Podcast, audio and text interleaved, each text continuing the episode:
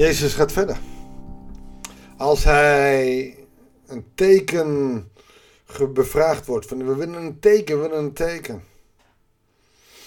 En dan zegt hij, uh, gelukkiger, daar zijn we gisteren mee geëindigd, zijn zij die naar het woord van God luisteren en naar leven, dan mensen die vragen om een teken. En daar komen we aan bij vers 29, waarin hij nog kritischer wordt op de luisteraars die daar op dat moment staan. Zullen we gaan lezen? Goeiedag, hartelijk welkom bij een nieuwe uitzending van het Bijbelsdagboek. We lezen uh, Lucas 11, vers 29 tot en met 36. Toen er steeds meer mensen toestroomden, zei hij: Dit is een verdorven generatie. Ze verlangt een teken, maar zal geen ander teken krijgen dan het teken van Jona. Nou, wat bedoelt hij met die verdorven generatie?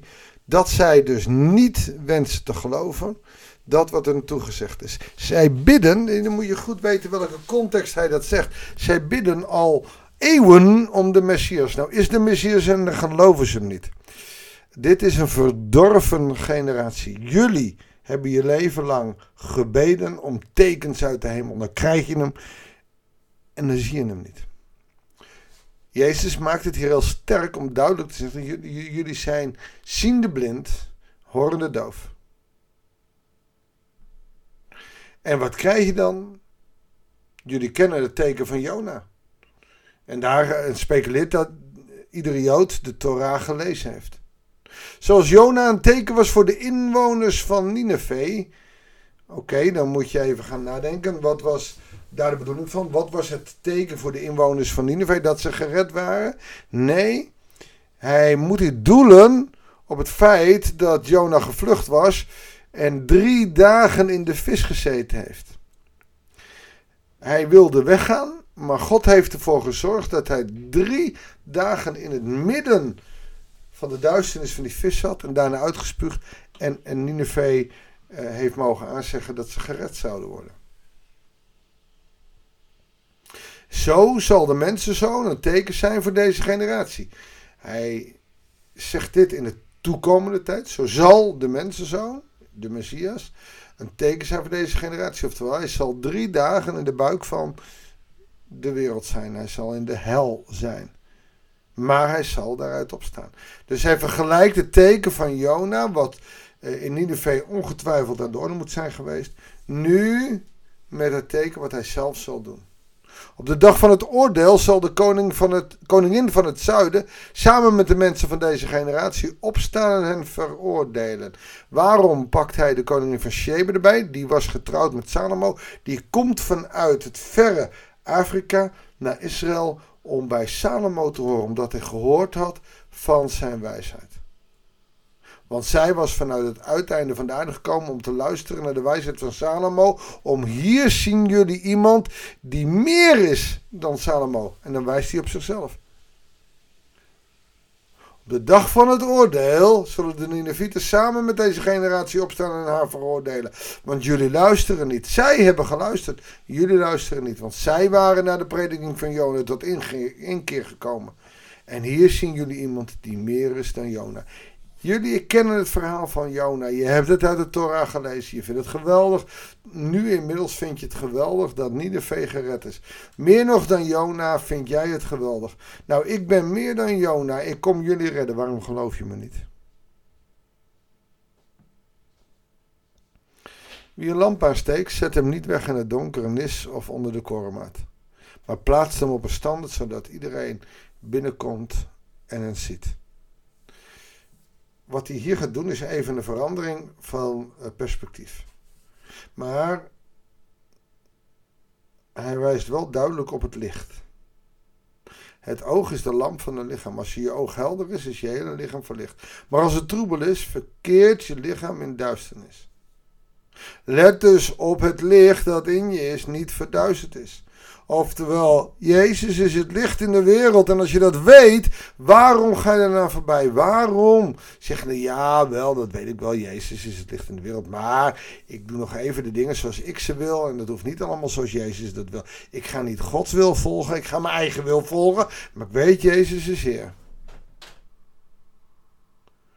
Het oog is de lamp van het lichaam. Als je dat oog dicht doet, dan zie je niks meer. Dus als het oog niet helder is, als je dat vertroebelt met het moet kunnen en het zal wel een beetje geld en een beetje ik en een beetje. dan wordt je leven ontzettend troebel.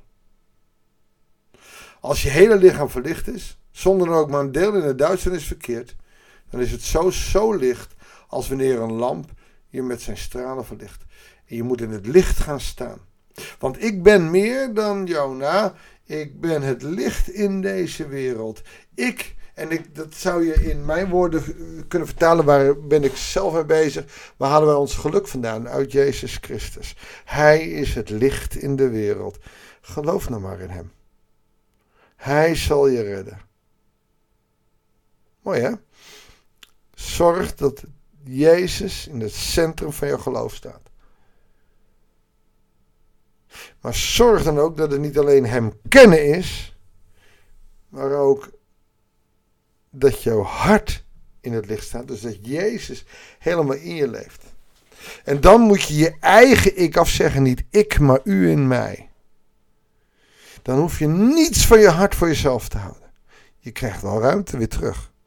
Maar allereerst helemaal gereinigd en geheiligd door de Heer. En dat is voor ons mensen zo moeilijk. Daarom zijn wij ook een verdorven generatie, want wij willen tekens, wij willen, want wij kunnen, we zullen en we willen niet afhankelijk zijn van Jezus. En dat moeten we wel willen. Laten we Jezus blijven zoeken, ook in deze vakantietijd. En als we hem dan kennen, laten we dan ook garant staan dat wij de gevolgen van ons geloof willen inzien. Want dat is belangrijk. Laten we samen, door deze podcast, maar ook straks, waar je bent, in je stille tijd, in je Bijbel lezen, God gaan zoeken, Hem groot maken, Hem dienen. En ook al snap je niet alles wat er in de Bijbel staat, zorg maar dat je met je verstand gewoon gelooft dat Hij koning is over jouw leven. Dan zal je hart verlicht worden, zal je lichaam verlicht worden, dan zul je in het licht staan. Mensen die er met hun verstand niet bij kunnen, met hun gevoel niet bij kunnen, zullen heel gauw afglijden in de duisternis. En die duisternis geeft ook licht, alleen dat is verkeerd licht. Die duisternis geeft ook geluk, maar dat is kortdurend verkeerd geluk. Maar bij Jezus, in het licht van Jezus staan, je eigen ik aan de kant en zorgen dat Hij de koning wordt in je leven. Dat maakt je gelukkig. Daarin kun je de wereld aan, wat je ook tegenkomt. Mag ik voor je bidden?